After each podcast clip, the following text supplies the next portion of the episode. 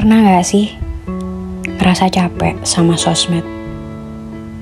Isinya tuh cuma kehidupan orang-orang yang kelihatannya bahagia banget.